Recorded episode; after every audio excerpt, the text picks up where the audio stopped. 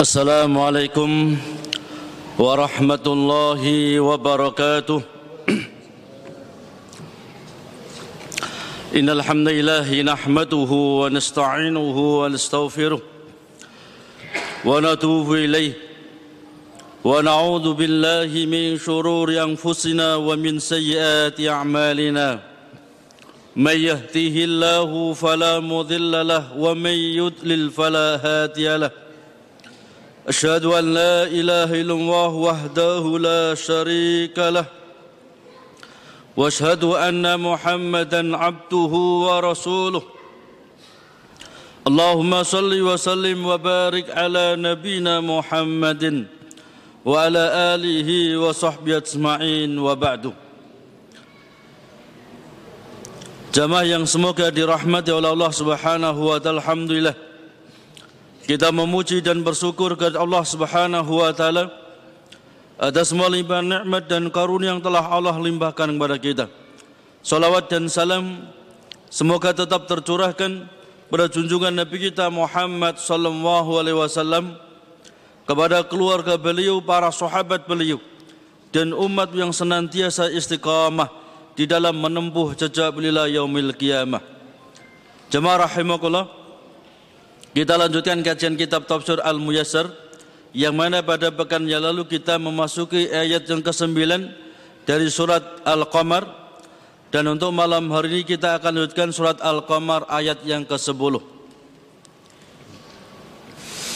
أعوذ بالله من الشيطان الرجيم فدعا ربه أني مغلوب فانتصر ففتحنا أبواب السماء بماء منهمر وفجرنا الأرض عيونا فالتقى الماء على أمر قد قدر وحملناه على ذات ألواح وجسر تجري بأعيننا جزاء لمن كان كفر ولقد تركناها آية فهل من مدكر فكيف كان عذابي ونذر ولقد يسرنا القرآن للذكر فهل من مدكر كذبت آد فكيف كان عذابي ونذر إنا أرسلنا عليهم ريحا صرصر في يوم نفس مستمر. تنزئ الناس كأنهم أعجاج نحل منقعر. فكيف كان عذابي ونذر؟ ولقد يسرنا القرآن للذكر فهل من مدكر؟ كذبت ثمود بالنذر. فقالوا أبشرا منا واحدا نتبعه إن إذا لفي ضلال وسعر. ألقي الذكر عليه من بيننا بل هو كذاب أشر. سيعلمون غدا من الكذاب الأشر إنا مرسل الناقة فتنة لهم فارتقبهم واستبر Allah Subhanahu wa taala berfirman di dalam surat Al-Qamar ayat yang ke-10 Fada'a rabbahu. Maka Nabi Nuh berdoa kepada Rabbnya Anni maghlubun fantasir. Sesungguhnya aku telah dikalahkan ya Allah. Maka fantasir berilah pertolongan kepadaku. Fada'a Nuhun rabbahu anni dha'ifun amuqawamati haula. Maka Nabi Nuh alaihi salatu wasalam berdoa kepada Allah Subhanahu wa taala. Seraya mengadu kepada anni dhaifun an muqawamati haula. Ya Allah aku ini sangat lemah untuk bisa melemahkan untuk bisa meluruskan mereka. Ketika mereka diajak untuk menyembah hanya kepada Allah ya qaumi ibudullah ma lakum min ilahin ghairuh. Wahai kaumku sembahlah hanya kepada Allah. Karena sesungguhnya kalian tidak punya sesembahan yang hak kecuali hanya Allah Subhanahu wa taala. Maka ketika kaumnya menolak ajakan Nabi Nuh bahkan sabarnya Nabi Nuh Allah perintahkan Nabi Nuh untuk menanam pohon setelah pohon itu menjadi besar Allah perintahkan Nabi untuk menebangnya yang nanti bakal menjadi yakni kayu yang digunakan sebagai bahan kapal Nabi Ibrahim beratus-ratus tahun berdakwah menyeru kaumnya supaya mereka mentauhidkan Allah Subhanahu wa taala. Maka fantasirni biqabin min indika ala kufrihim bika. Maka tolong aku ya Allah untuk memberikan hukuman kepada mereka dari sisimu ya Allah atas orang-orang yang kufur kepadamu.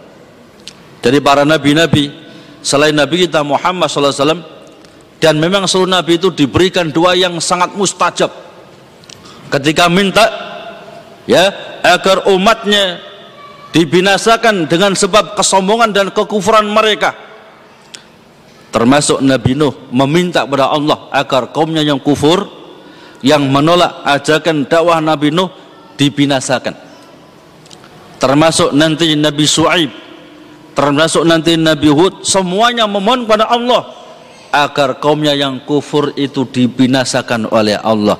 Adapun Nabi kita Muhammad SAW doa ini ditahan, tidak, tidak diminta di dunia oleh Nabi kita Muhammad SAW.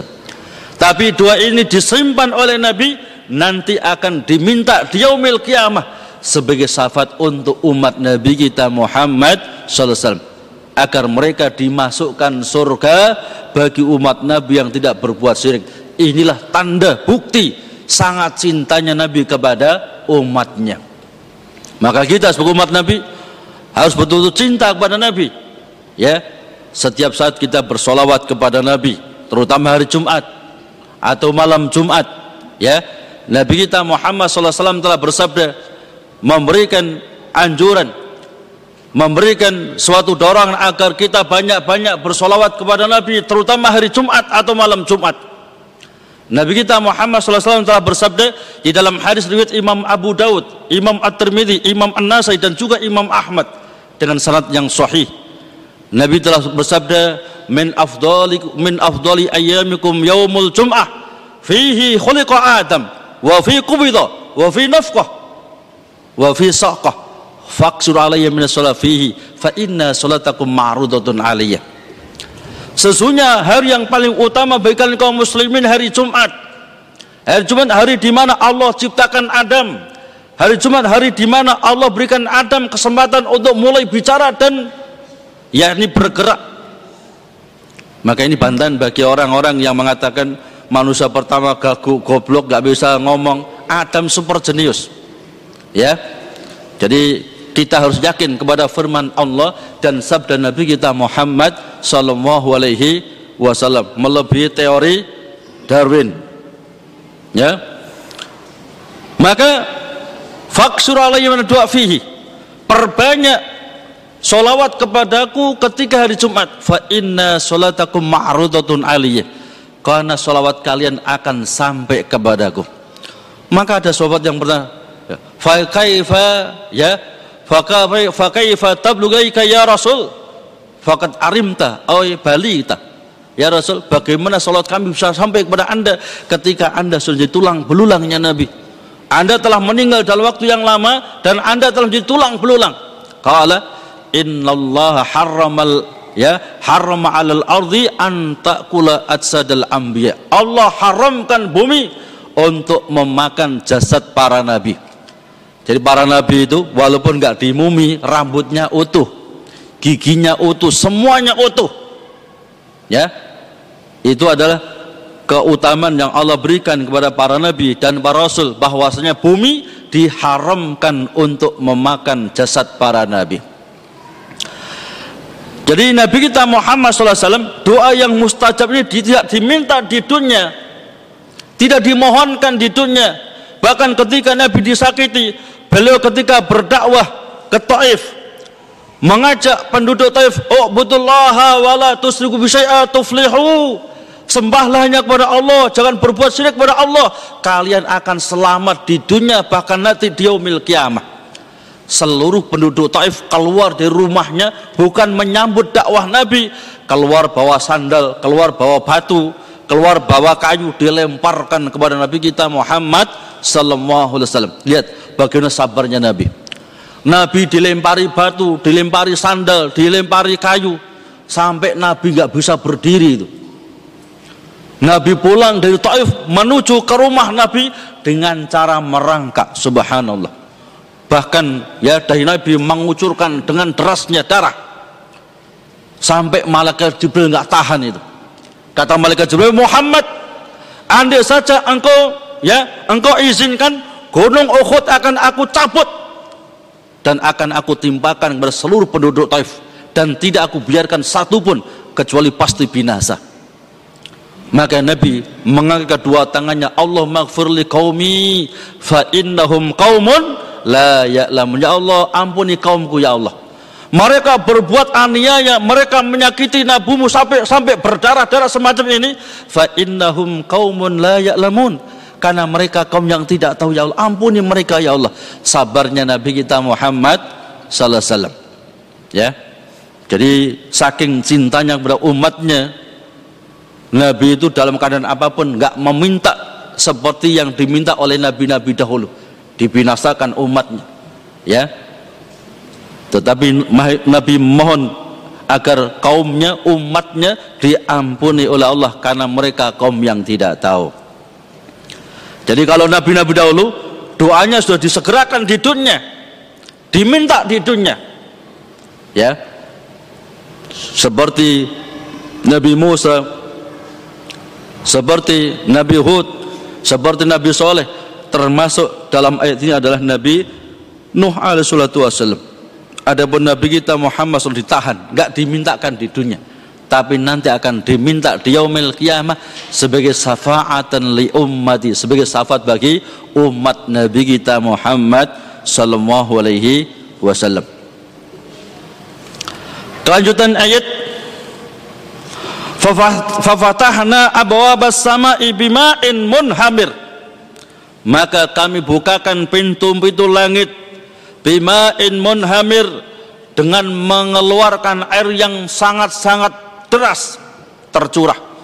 Jadi pintu langit dibuka untuk menurunkan air hujan ya yang sangat-sangat derasnya.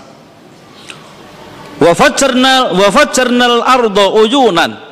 Dan juga kami pancarkan air mata air dari bumi jadi bumunya menyemburkan air. Ya langitnya mencurahkan air buminya menyemburkan air. Faltaqal ma'u ala amrin qad kudir maka bertemulah dua air ini. Air dari langit dan air dari bumi. Ala amrin yang menjadikan bencana qad kudir yang telah kami tentukan. Yang telah ditentukan dan ditakdirkan oleh Allah Subhanahu wa taala fajibna doa'ahu maka kami penuhi doa daripada Nabi Nuh agar orang-orang yang kufur dari kalangan umatnya orang-orang yang durhaka dari kalangan umatnya dibinasakan. Maka kami penuhi kami kabulkan doa daripada Nabi Nuh alaihi salatu wasallam fafatahna abwabas sama bima'in kasirin muttadafi maka kami bukakan pintu langit bima'in kasirin dengan mencurahkan air yang sangat banyak mutadaffi' yang sangat tercurah. Ya kalau kita lihat waktu hujan deras sampai pipi gosong kabeh itu ya saking kerasnya ya hantaman air itu ya. Allah curahkan air yang sangat deras dari langit wasakoknal ardo uyuna. Dan kami pancarkan dari bumi mata air mata air. Faltaqama'ul asama wa ma'al ardi. Maka bertemulah air yang tercurah dari langit dan air yang tersembur dari bumi. Ala ihlakihim alladhi qaddarallahu lahum. Yang menjadikan binasanya mereka menyebabkan mereka dibinasakan dengan air ini dengan takdir yang telah Allah tentukan kepada mereka. Jazaa sirkihim sebagai balasan atas kesyirikan mereka. Dan memang termasuk ya termasuk dosa yang itu menghapus amal ibadah kita. Bahkan dosa yang bisa disegerakan azabnya adalah di antaranya dosa syirik. Ya Allah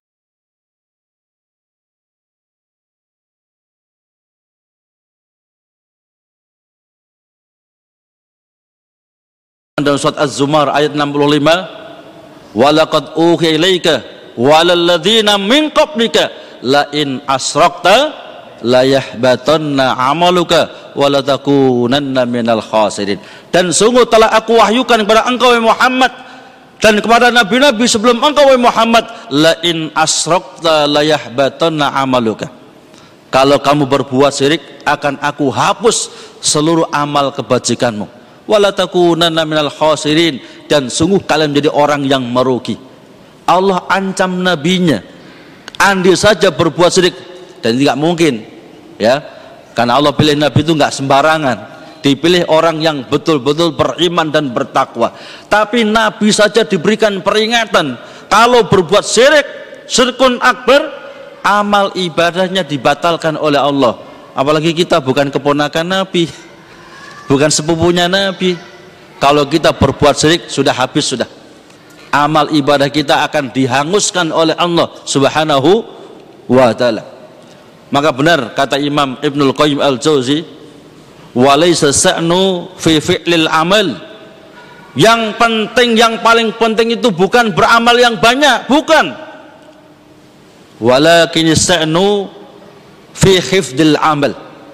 Ya, tapi yang paling penting bagaimana menjaga amal itu tetap ya tetap ada pahalanya tidak dibatalkan oleh Allah Subhanahu wa taala. Caranya jangan sekali-kali berbuat syirik. Karena umat-umat terdahulu dibinasakan oleh Allah itu rata-rata karena perbuatan syirik mereka. Kelanjutan ayat. Wa hamalnahu ala dzati alwahi wa dusur. Dan kami angkut Nuh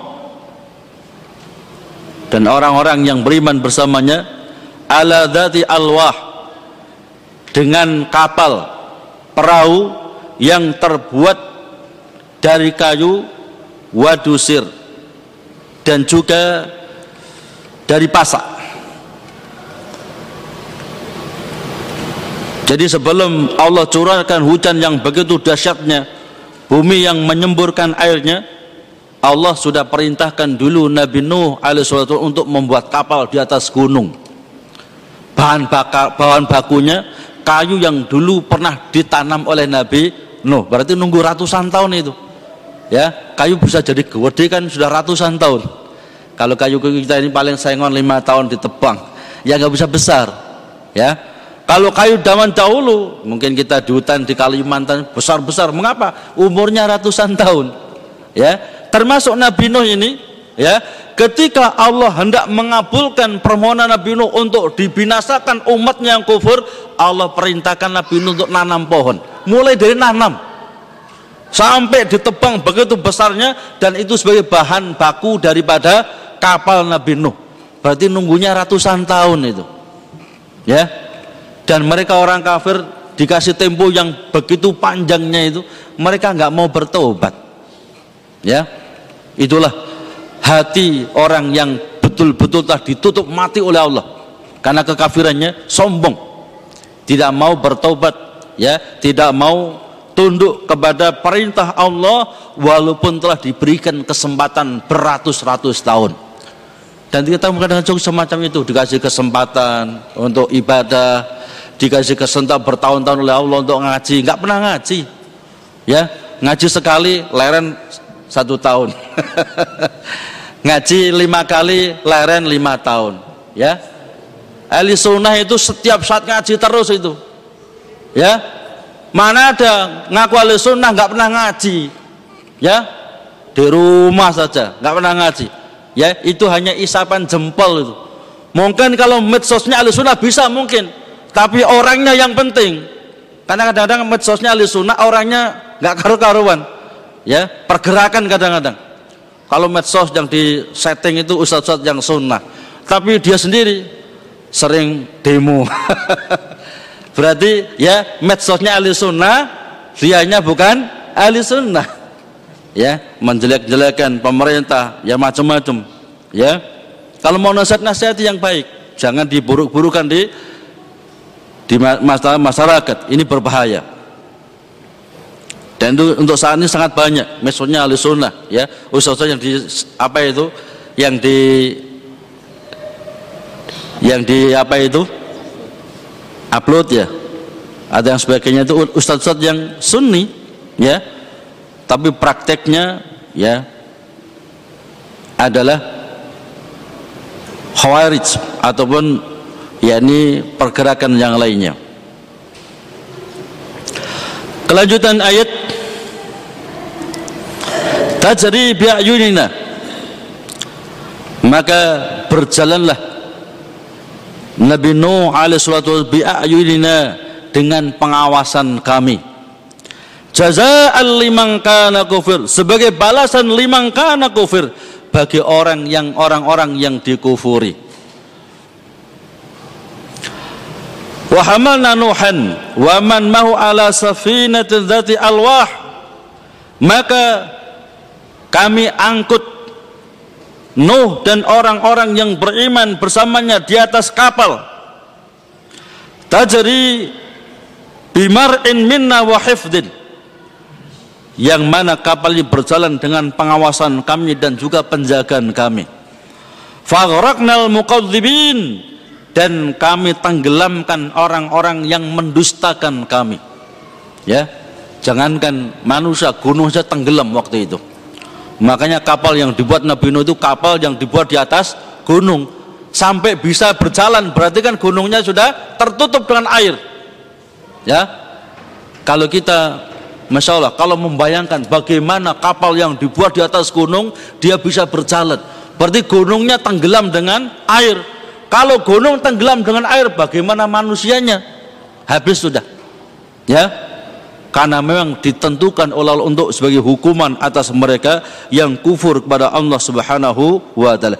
Jazaa'an lahum ala kufrihim sekaligus sebagai hukuman atas mereka orang-orang kafir sebab kekufuran mereka wantisaran li Nuh alaihi wasallam sebagai bantuan pertolongan bagi Nabi Nuh dan orang-orang yang beriman bersamanya. Dari firman Allah Subhanahu wa taala tajri biayunina ya yang mana kapal itu berlayar dengan pengawasan kami. Maka dari ayat ini wa fi hadhil ayah dalilun ala isbati sifatil ainaini lillah subhanahu wa ta'ala kama yaliku li jalalihi wa uzmatihi. Maka dari ayat ini sebagai dalil yang qat'i yang pasti diwajibkannya kita menetapkan sifat di antara sifat-sifat Allah bahwasanya Allah itu memiliki dua mata sesuai dengan keagungan Allah dan kebesaran Allah Subhanahu wa taala. Maka akidah sunnah wal Jamaah dalam berkenaan dengan asma wa sifat ini adalah menetapkan nama-nama dan sifat-sifat yang telah Allah tetapkan bagi Allah di dalam Al-Qur'an. Menetapkan nama-nama dan sifat-sifat yang telah ditetapkan Nabi di dalam hadis yang sahih bagi Allah Subhanahu wa taala tanpa taktil, tanpa harus mengingkari. Juga tanpa tahrif memalingkan arti. Juga tanpa takyif membagaimanakan.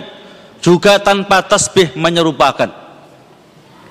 Kadang-kadang orang ya karena akal-akalan dia adalah taktil, mengingkari. Gak mungkin Allah punya mata. Kalau Allah punya mata berarti sama dengan makhluk. Ya.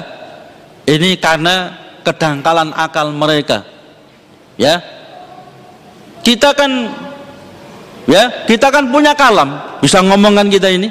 Allah juga punya kalam, tapi kalam Allah berbeda dengan kalam kita. Ya. Contoh lagi,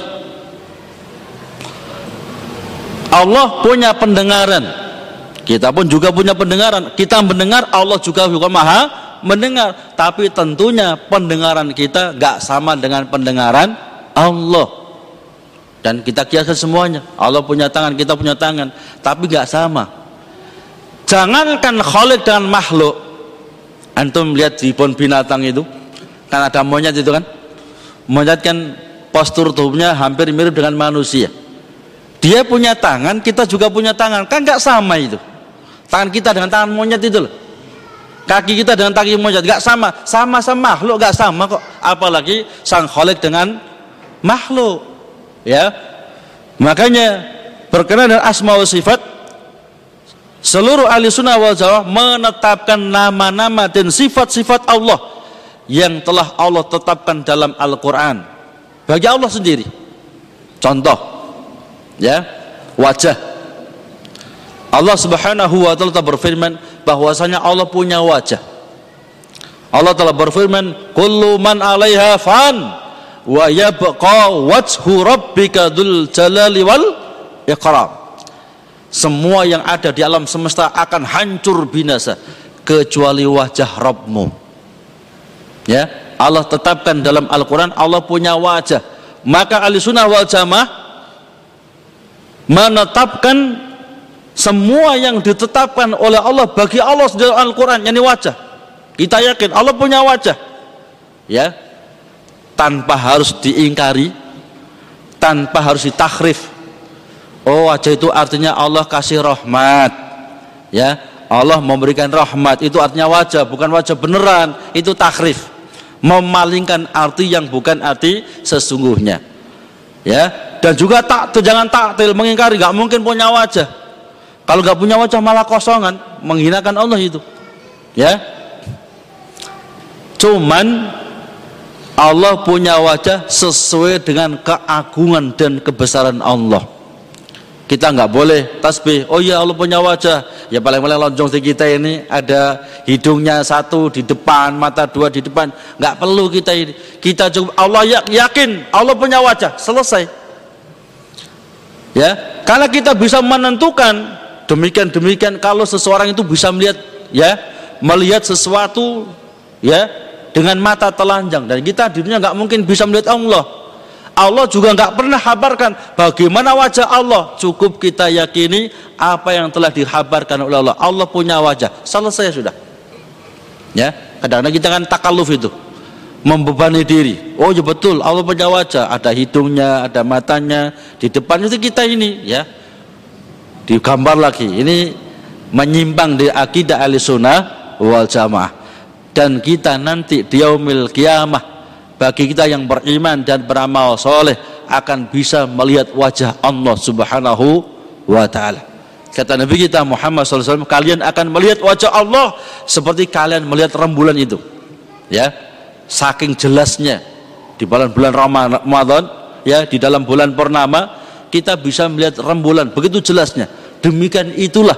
Jelas demikian itulah kita nanti akan melihat wajah Allah subhanahu wa ta'ala Allah berfirman dalam surat Al-Qiyamah wujuhu yawmaidin nadhirah ila rabbiha nadhirah pada hari kiamat ada wajah yang berseri-seri karena melihat Allah subhanahu wa ta'ala.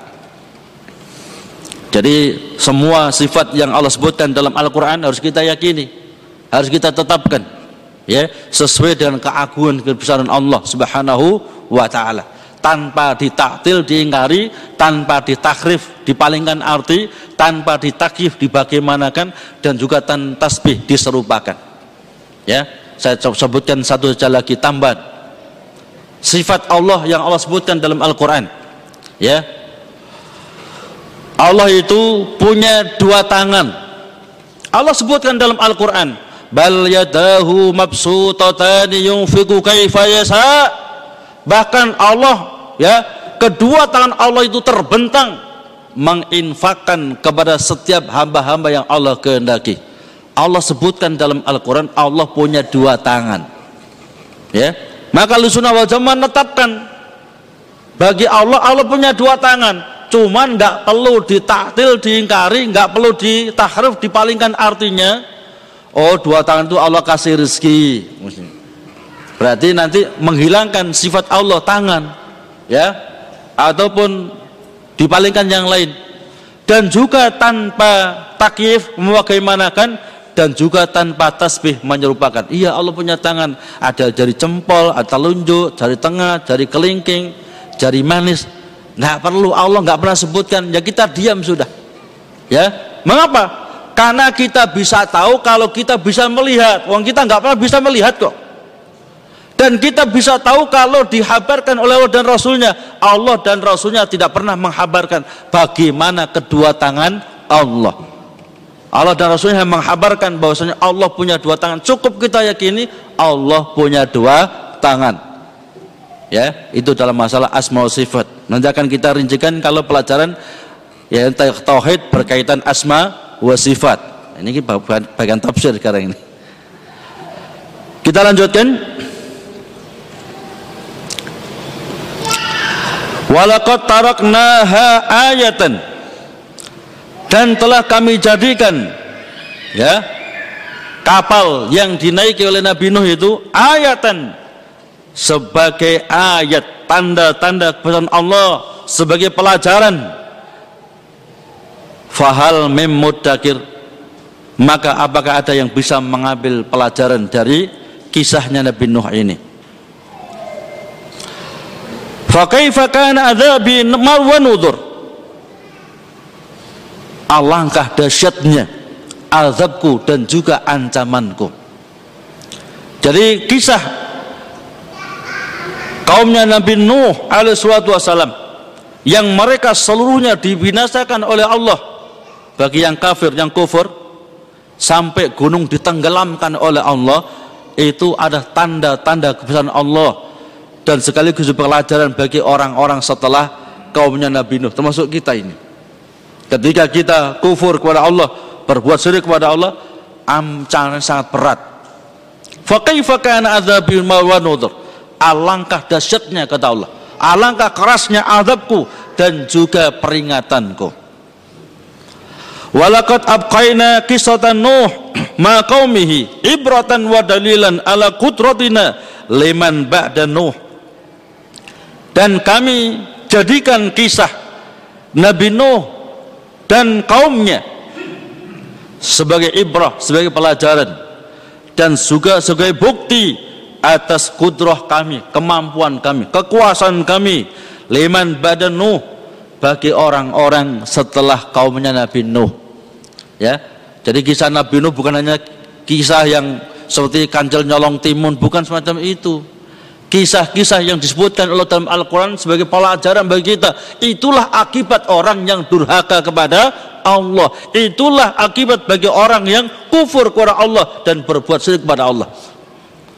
Jangankan kita orang yang begitu hebatnya termasuk kaum Ad, kaum Samud ini luar biasa.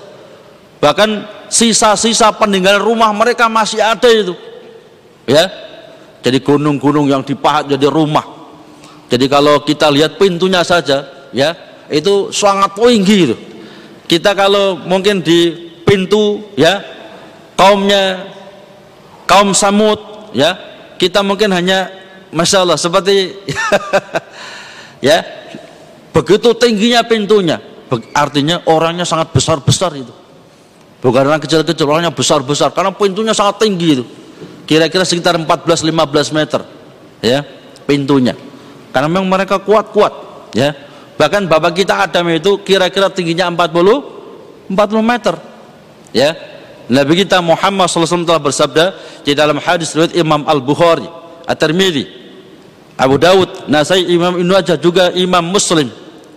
Dan hadis ini adalah mutawatir maknawi ya. Bukan mutawatir lafzi tapi mutawatir maknawi. Artinya nggak mungkin salah pasti benar ya Nabi telah bersabda, "Khalaqallahu Adam wa tulusituna dira'an."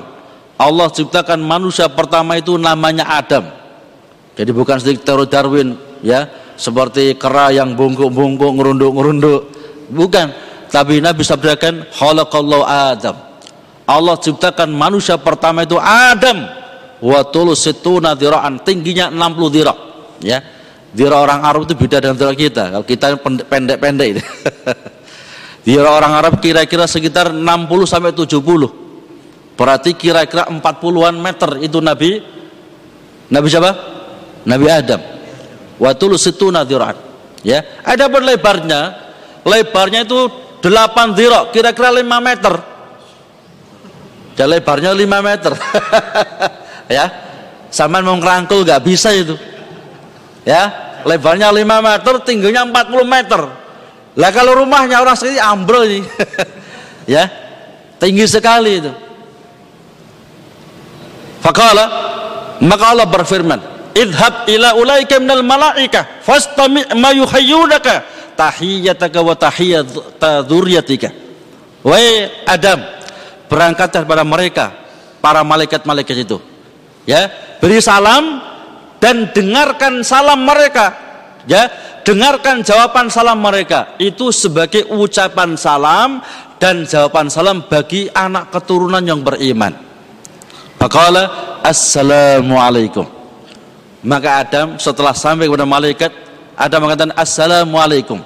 Ya jadi Adam itu cerdas bukan seperti perkataan Darwin. Ya Faqalu maka berkatalah malaikat-malaikat Assalamualaikum warahmatullah. Fazadu warahmatullah. Malaikat menjawab Assalamualaikum warahmatullah. Jadi boleh. Kalau kita mengucapkan Assalamualaikum Saudara kita menjawab Assalamualaikum warahmatullah. Benar. Jadi kata salah sampean. Sesat itu ya. Kadang-kadang kita ini gampang menyalahkan Karena keterbatasan ilmu kita Ya. Begitu sedikit beda langsung sesat Salah kan gitu kan jadi ketika kita kasih assalamualaikum, ada yang jawab assalamualaikum warahmatullah benar. Ya. Fazadu warahmatullah. Malaikat menambahi salam Adam dengan warahmatullah. Jadi pelajarannya kalau kita dikasih assalamualaikum waalaikumsalam warahmatullah. Assalamualaikum warahmatullah waalaikumsalam warahmatullahi wabarakatuh. Kalau assalamualaikum warahmatullahi wabarakatuh entek sudah nggak perlu tambah lagi. Sampai waalaikumsalam warahmatullahi wabarakatuh. Selesai sudah. Nggak ada tambahan lagi. Maka nggak ada tandingannya assalamualaikum dengan selamat pagi sore siang malam. Nggak ada itu. Ya.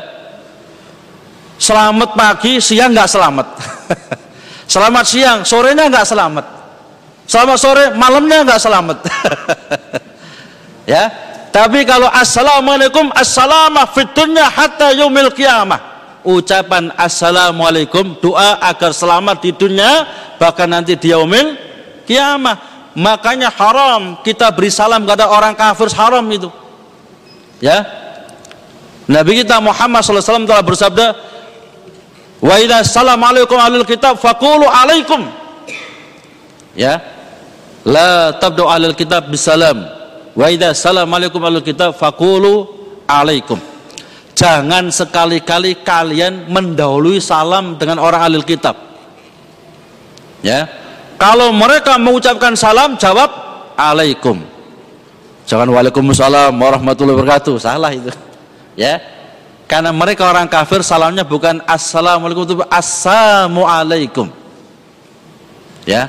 Artinya al halak kerusakan ya al halak kerusakan kebinasan semoga atas kamu. Jadi orang-orang Yahudi kalau salam kepada Nabi bukan assalamualaikum seolah-olah assalamualaikum tapi bukan assalamualaikum tapi assalamualaikum. Kadang-kadang orang-orang sesat juga gitu ya. Dengan orang yang enggak satu kajian dengan dia mengucapnya bukan assalamualaikum assalamualaikum. Ya. Dan ini betul nyata itu Orang-orang kadang-kadang suatu aliran tertentu menganggap selain alirannya dianggap kafir. Ya, kalau salam bukan assalamualaikum tapi assalamualaikum. Maka ketika orang ahli kitab mengucapkan salam, jawab alaikum. Cukup alaikum, ya. Bukan waalaikumsalam, salah itu. Dan jangan sekali-kali mendahului salam mereka, ya. Pak Ustadz, bagaimana kalau pagi? Kalau pagi nggak apa-apa, pagi, sore, siang, ya. Pagi selamat, sorenya nggak selamat. Tapi kalau assalamualaikum nggak boleh bagi mereka. Ya, makanya orang kafir hukumnya haram dikuburkan dikuburkan kaum muslimin. Mengapa? sunnah ketika kita melewati kuburan kaum muslimin kita ucapkan assalamualaikum ahla diyar minal muslimin wal mu'min wa inna bikum insyaallah lahiqun nas'alullah lana walakumul afiyah dan itu doa ini nggak layak bagi mereka orang orang kafir. Ya. Jadi nggak boleh dicampur. Ada di suatu tempat itu Kristen di situ Islam di situ campur bawur sudah.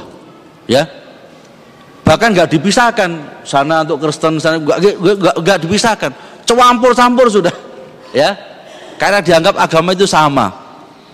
Ya. Ini salah dulu yang ngajari itu mungkin. Ya. Salah yang ngajari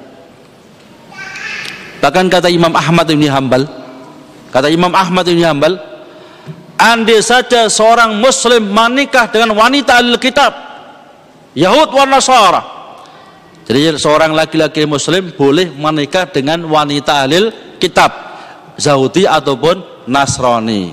Cuman ya yang muslimah saja banyak, maka cari orang-orang yang non muslimah. Ya. Apa kita nanti siap tanggung jawab di hadapan Allah nanti? Kalau anak cucu kita menjadi orang ka, kafir naudzubillah dzalik. Ya. Tapi hukumnya tetap. Boleh, bukan zina maksudnya.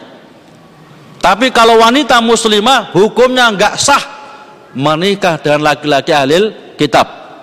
Ya perlu diperhatikan. Karena kadang-kadang mantunya ternyata mantunya Nasrani laki-laki. Nggak sah. Ya? Berarti orang tuanya merelakan terjadinya perzinahan karena Islam nggak ngakui pernikahan yang sah. Bagaimana anaknya? Anak zina. Ya jadi anaknya anak zina. Mengapa? Karena pernikahan pernikahan yang tidak sah. Kata Imam Ahmad bin Hambal, ada saja seorang laki-laki muslim menikah dengan wanita alil kitab kemudian wanita hamil. Kemudian ketika kehamilannya ya sudah mencapai empat bulan lebih dengan sebab tertentu wanita ini meninggal dunia, mungkin keracunan, mungkin kecelakaan meninggal bersama dengan janinnya. Kata Imam Ahmad, maka tidak boleh dimakamkan di makam kaum muslimin. Dan juga tidak boleh dimakamkan di makam mereka ahli kitab. Harus dipisahkan. Apa alasannya? Kalau dimakamkan di makam kaum muslimin kasihan orang muslim itu. Wanita di dimblek-blek di alam barzahnya ya cerik-cerik kasihan tetangganya itu. Ya bisa tidur nanti. Kalau dimakamkan di makam orang kafir kasihan janin ini. Mengapa? Karena janin ini meninggal dalam keadaan tanpa dosa dia. Maka kata Imam Ahmad dimakamkan terpisah. Bukan makam kaum muslimin dan juga bukan makam orang-orang kafir. Sampai sedetil ini para ulama menjelaskan jamaah rahimahullah waktu telah habis ya. Sampai ayat ke berapa? 16 ya. Insya Allah kita akan lanjutkan pada pertemuan yang akan datang Bismillah kita tutup dengan doa kafat majlis. Subhanahu asyhadu an la ilaha illa anta astaghfiruka wa atubu ilaik. Assalamualaikum warahmatullahi wabarakatuh